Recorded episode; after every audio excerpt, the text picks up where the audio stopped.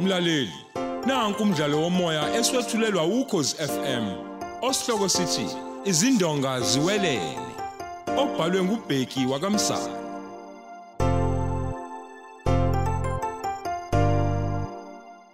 Yamukela isiqephu samashumi amathathu nambili.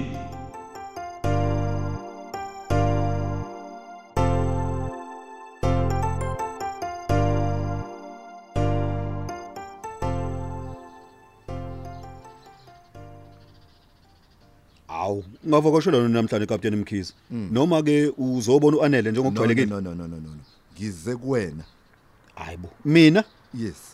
bengithi sibonene izolo ebusuku. Ngifuna ukukhuluma nawe uwedwa ngoba uma ngikhumbula kahle mina nawe sagcina ukukhuluma ngesikhathi kusalahleke uKenneth Zondi. Ungakubali kwayizola ngithi. No no no no no no. Phela izolo bese ngeke sikwazi ukukhuluma phambi kwabantu. Yingakho ngithe asikhulume sobabili.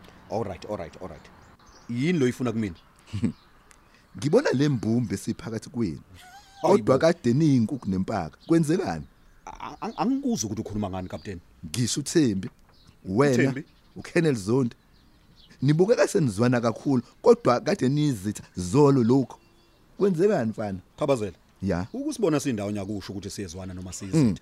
wezakhe Captain. angisona isilima mina ngizwe ngeke manje ungitshele ukuthi umuntu omthathela inkampani yakhe engazi ngoba wena uziphiniselela ngokuthi ubezama ukushada umkakho lobo butho obuserious ngaleyo ndlela bungavele nje buphele nje kalula nje ngey'nsukwana eyi ungangithathisi kwengane mina mfana Kodwa Captain ayikho into edlula ukukhuluma nizwane nje. ngamanye amazwi ufuna ukungitshela ukuthi nasenikhulumile nazalo kuyaphela nje lapho Ushaye khona. he awungitshela ubuwazi ukuthi umkakho uyindlalifa kaKenneth Zondi Hayibo Captain, ngiqala ukuyizwa ngawe ke leyo Ah, nto. awubheke kodwa akubukeki uthukile awubukeki wena uthukile Ngizothuswa yini Captain? Hmm. Uma ukhuluma ngomuntu mhlambe engathi angisenandaba naye.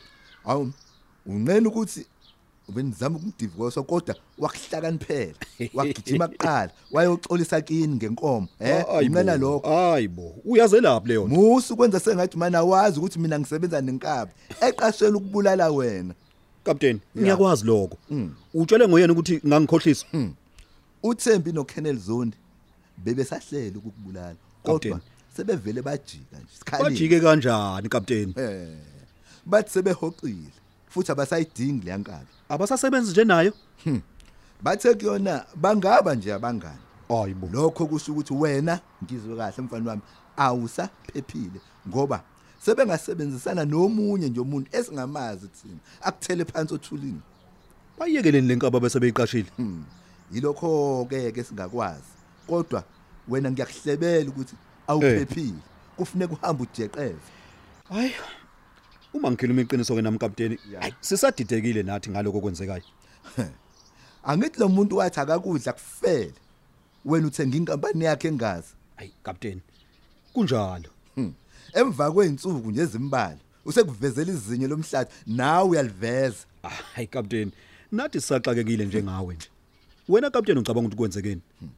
bengicabanga ukuthi wena ozoba usizo kumina kodwa ngiyakubona ukuthi ulele wena mfana Hayi Captain akunjalo. njengoba sebethe abasamdingi lo muntu wena-ke awusaphephile that's number one ngifuna uhlale ukwazi lokho Ngiyakuzwa. angithandanga ukuthumela umahlobo njengoba ngihlale ngenza nje awungitshele ucabanga Captain. ukuthi mina bengiyokwenzani kuleya phathi oh okay Bo. ubona ukuthi bengiyodla inyama ngoba ngithanda inyama nje kakhulu ngithanda nokuphuza utshwala yilokho kushoyo Mina bengithumenyiwe Captain. Oh, njengoba bengilaphaya amaphoyisa beqaphe yonke into ebiyenzeka kodwa wena ubungeke ukubone lo Hayibo. Ngiyabonga kakhulu Captain. nale ntombazana oyishadayo huh, bayifuna 6 feet underground bafuna ukuhamba phezulu kwesifuba sayo Hayibo Captain, i- i- isizathu empeleni mfana bebefuna ufu ungakashadi nayo Yebo. futhi ungakayikhulelisi ngoba uma uzoshada nayo ikhulelisa ayayayi izobadalela inkinga efeni lakho ini ya ya ke mfana Hayibo Captain. Yabona mfana. indaba engaka. vuka emaqandeni wena manje manje sesididekile wena uma sewenzele uthemba amaphathi kanye yabo, umthengele izipho eziphambili U- u- Hhayi, ukwazelaphi eh, lokho, Captain? muthi uloko ngibuza ukuthi ngikwazelaphi mani lokho Hey, Captain. angithi sikugadile ngoba lo muntu wethu aba- abasamfuni eduze kwabo eh Yebo.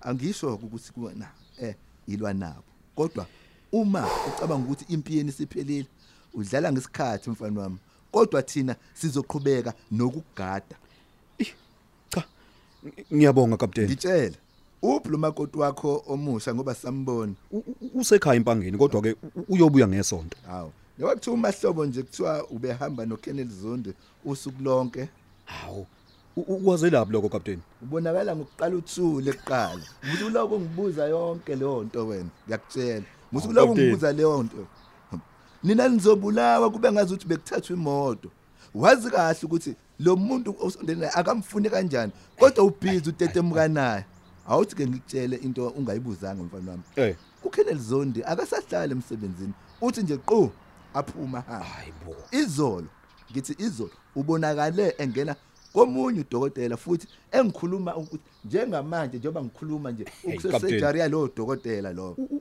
uyagula cha yini kaguli kodwa Pho? ngizama ukuthi wehle wenyuka nje kulo dokotela ikhona into ayifunayo yange Hey, Captain. uma kungekona ukuthi unifunele ushevu wokunibulala njoba nilele nomampungu mana nje. mana mana Yazi, kapteni hayi ngoba ulapha nje wazi ngani ukuthi ulapha lo mfana uleke ngibuza ukuthi ngazi ngani Hayi, lo kapteni mfana wami mina ngumphathi wesiteshi angizwa anginyuswanga Captain. nje angisigwazelanga isikhundla ngasisebenzela kanzima njengoba ke sephume ngena nje eh, engenzi umsebenzi awuqashela nawe uholelayo ekade vele wanyamalala lalelaka kufuneka mina ngazi ukuthi ukuphi ngasikhatsini unobani wenzani hayi kapteni ngaphandle kokuba ke mhlambe ke useyathandana leyo dokotela akenimuzwe lo mampungu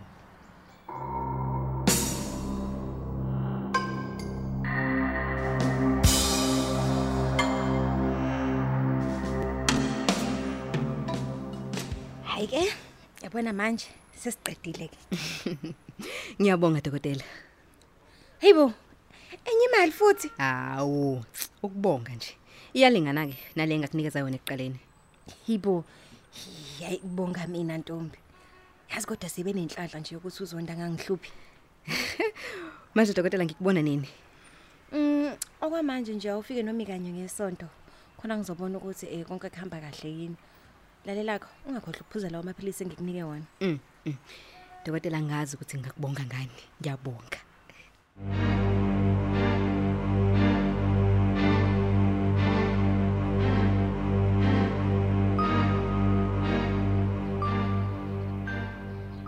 mahlobo yebo bengithi lapha kuzinhle nje njengoba kubulawa imbuzi nje namhlanje hayi sengiphuma khona bafu phela sizidle kusasa oh u- u- webafa ya ngike ngavakashela ukapteni mkhize la mfowethu hawu u- ufunani manje ukapteni mkhize U- ubezongidonsa ngendlebe mfethu E- empeleni nje sobabili hawu lokhu kushintsha kukaKenneth Zondi noThembi uthi into engekho ngoba yini He, wemfowethu ya lenkaba asebenza naye bimtshela ukuthi bafuna mina qala bese belandela ngoanele hayibo bathe besuka kuyena basebethi hayi ngeke besangibulala mina wabe sesuka ke eduze kwabo lokho ke kwenza amaphoyisa angazi ukuthi bacabangani manje kodwa yena uthi yila sebeyingozi ngempela ke manje bafu hey u- u- usho kanje bafu hey webafu ya A- a- amaphoyisa kubonile nje wena izolo wehla wenyuka noKenneth Zondi usuku lonke hayibo nami futhi angibonile ngihamba noThembi ngesikhathi ngiyomthengela izinto zephathi uthi njengoba belapha yana nje emcimbini izolo bafu ubengezela inyama futhi abekhona amaphoyisa abeqaphile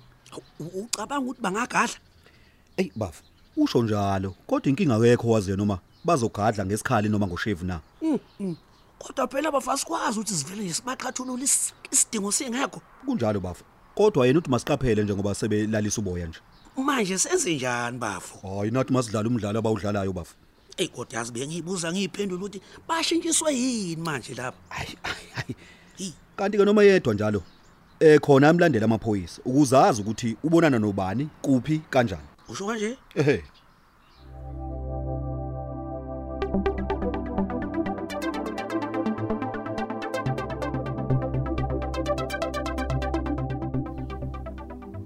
awushoke uhambe kanjani Hawu, kahle kakhulu. Ngiqedile nje manje. hayibo ngempela Hawu, njengoba ngisho nje. Uzondo unikelile phela ngembewu yakhe wase esengisebenzisa kudokotela. hayibo manje caca nine ukuthi usukhulela Mhlawumbe angeke iziphele nje inyanga. Kodwa ngizoya kotshela uGeneral Njapa. um ngesinto elizayo ngithi Mhm. Bese kufanele ke alungiswe ke uDr Ndilo ngaphambi kokuthi ngiye eGreytown. ish ngoba kwazi umuntu nje usho ukuthi sikhona isidingo sokumsusa Hayibo Thembi, lalela la wena. uzondi phela uyokhumbula ukuthi wakwakunikela ngembewu yakhe uma ephika uzondi umkhizwe ezwe nje ukuthi ukhona udokotela wake wanikela kuyena ngembewu awu umkhizwe uyohlanganisa izinto aqonde ngqo kuyena uma esaphila angeke agcine engavumanga ukuthi kwakuyimina Mm, hayi no ngiyabona nazo-ke hhayi masixoxe kahle kusasa ke nginyenyile nje phela kufuneka silale ekhaya okay kulungile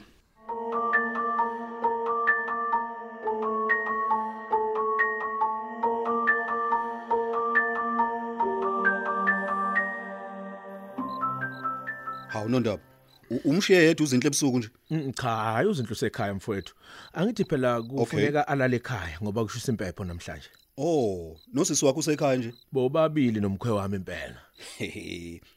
usuyazula noma usufuna ukuphuza njengayizolo awu u- uyazi wenza kahle wayiphatha ke le ndaba ngoba phela ngilethwe yona la iphi yona indaba le ndlela okuthiwa bengiphuze ngayizolo mfowethu njengoba uthi okuthi- okuthiwa nje Hayi. kusho ukuthi kona usakhumbula lutho ke nondaba eyi into engiyaziyo ukuthi nje angisiyena umuntu mfethu okhonza utshwala ngaleyo ndlela hayi angithi ke nathi yona lento esithusile ke nondaba eyi ngimbonile uzinhle ukuthi ubeyidinwe ngempela kodwa kwasho khona ukuthi akakwazi nje ukukhuluma namhlanje A- awusho mfowethu ngesikhathi ngisekamelweni ayikho nje intombazane ke yangena hayi benginganakile nondaba mina ngicina uthathwa ngikhenele yokulalisa U- u- usho ngani Hey wemfowethu u- uzinhle uthi iyembe lami imeli mahlikihliki iroute mfowethu ngenzansi bengaqokileke kwakhona nje. hayi uyabona nondaba u- umuntu odakwe kakhulu abantu benza noma yini kuyena Hey mfowethu futhi ke wena uhanjiswe ngumuntu wena ocabanga ukuthi niyezwana naye umusha ubusika isizwe zwanipela nje naye. Zwana impela nje. U- uyazi kuye kwafika ukapteni Mkhize la Kahle wena. ezosixwayisa nje sonke s- ukuthi sibaqaphele bona obusi laba noThembi ngoba njengoba belalisa uboya nje bayingozi kakhulu mfowethu U- Ubezele lokho nje kuphela. ubezele lokho nemfowethu Uzweni ke wena. hayi i- i- umkhize mfowethu iphoyisa elingo- elingumakade bona njengoba uzinhle ethe ube mahlikihliki nje iruji uzothi kanti nguyena ubuso owenze lento efuna nixabane nozinhle Hayi suka lapha zakhe ayikho yonke lento eshoyo. ngiyakutshela Hoyibo. ngiyakutshela mfowethu Hayi angiboni kanjalo. angisho mina. ukuthi nguyena kodwa ke uma ngikhumbula kahle uthe kulibala ekamelweni uze waphawula naye umkhize A- a- angisho ukuthini nondaba mfana kithi kodwa ke ngithi qaphela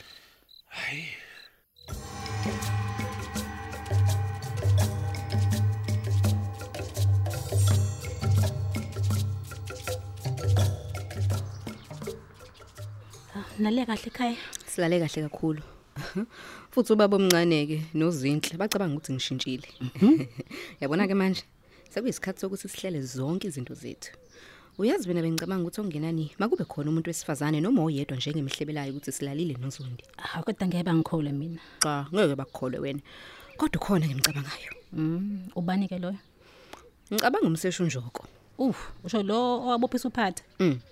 kanti into eyenza-ke ukuthi ngikhethe yena ukuthi singathi usondelene yazi nokapteni mkhize kodwa ngijwayelene nje uyena impela-ke lo engingamjwayela odingekayo ngoba mhlawumbe naye engamhlebela phela ukapteni mkhize le ngiyambona ukapteni ukuthi aa le nto yethu yokuxosha uphatha ivele yamthena amandla eyi manje-ke uma ebuza ukuthi awutshele ngani uzindle yona uzothini hawu ngizothi unganginqeni ukumxabanisa phela manje nawe uzothi uya- uyamukele le nto le yenziwa uzondo kwena um ngizosho njalo kodwa phela futhi ngibe umuntu nje osisolayo phela kufuneka uma sekuvela ukuthi ngikhulelwa kucace ukuthi ba yena ukuthi kungenzeka kube uzondo babwengane hhayi awu- awumzame-ke sibone ukuthi uzothini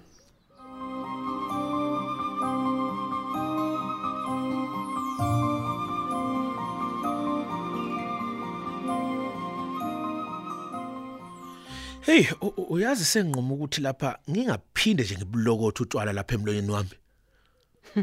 isinqumo sithathe nini leso Eyi, ngiye ngalapha na kobona uzakhe namhlanje ebusuku sathi ukuba nengxoxo nje empelende wakutshela ukuthi ayekho umuntu wayidake njengayo lapha ephathini kathembi hey izinhle u- ushilo yena noma ngakhumbuli nje ngiphuza kangako kodwa kuyona ke into enze ngi- ngihlukana notshwala leyo eyukuthi ngihlukana notshwala yileyo ukuthi i- ufica iyembe lami lapha ligcwele iroach yazi mina angifuni sikhulume ngento yenza udakiwe ngiyabonga nje uma usufuna ukubiye kutshwala uzakhe ube sengixwayiswa ngokuthi njengoba phela ngathathwa ubusi nje wayongilalisa kungenzeka ukuthi ungiyena owangihlikihla ngeroach enza ngabomu efuna ukungixabanisa nawe ayisuka umbhedo lowo ubusakasekho lapho hayi kodwa akacabangi kanjalo ukapteni Mkhize Ayibo kade umbonaphi? uke walaphana kuzakhe kumxwayisa ukuthi impi phakathi kwabo nodadewenu hayi akabona ukuthi siphelile Ayibo usolani yena?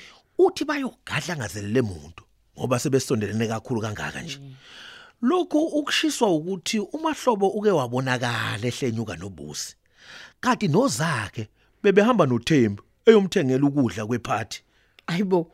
Eh. Yazi makusho elinye iphoyisa kusho ukuthi khonte khona. Phela amaphoyisa nezihloli zawo. hayi ngiyakutshela mina yisona sizathu ke lesesenza ukuthi ngibiyeke nje utshana mina ngiyaqala ukuzwa kuthiwa bengidakiwe futhi njengomtshisi omkhulu nje endaweni lokho kungehlisa isithunzi nje kabi kabi Hayi uma ubona kanjalo futhi ungaphoqo umuntu. Kulungile.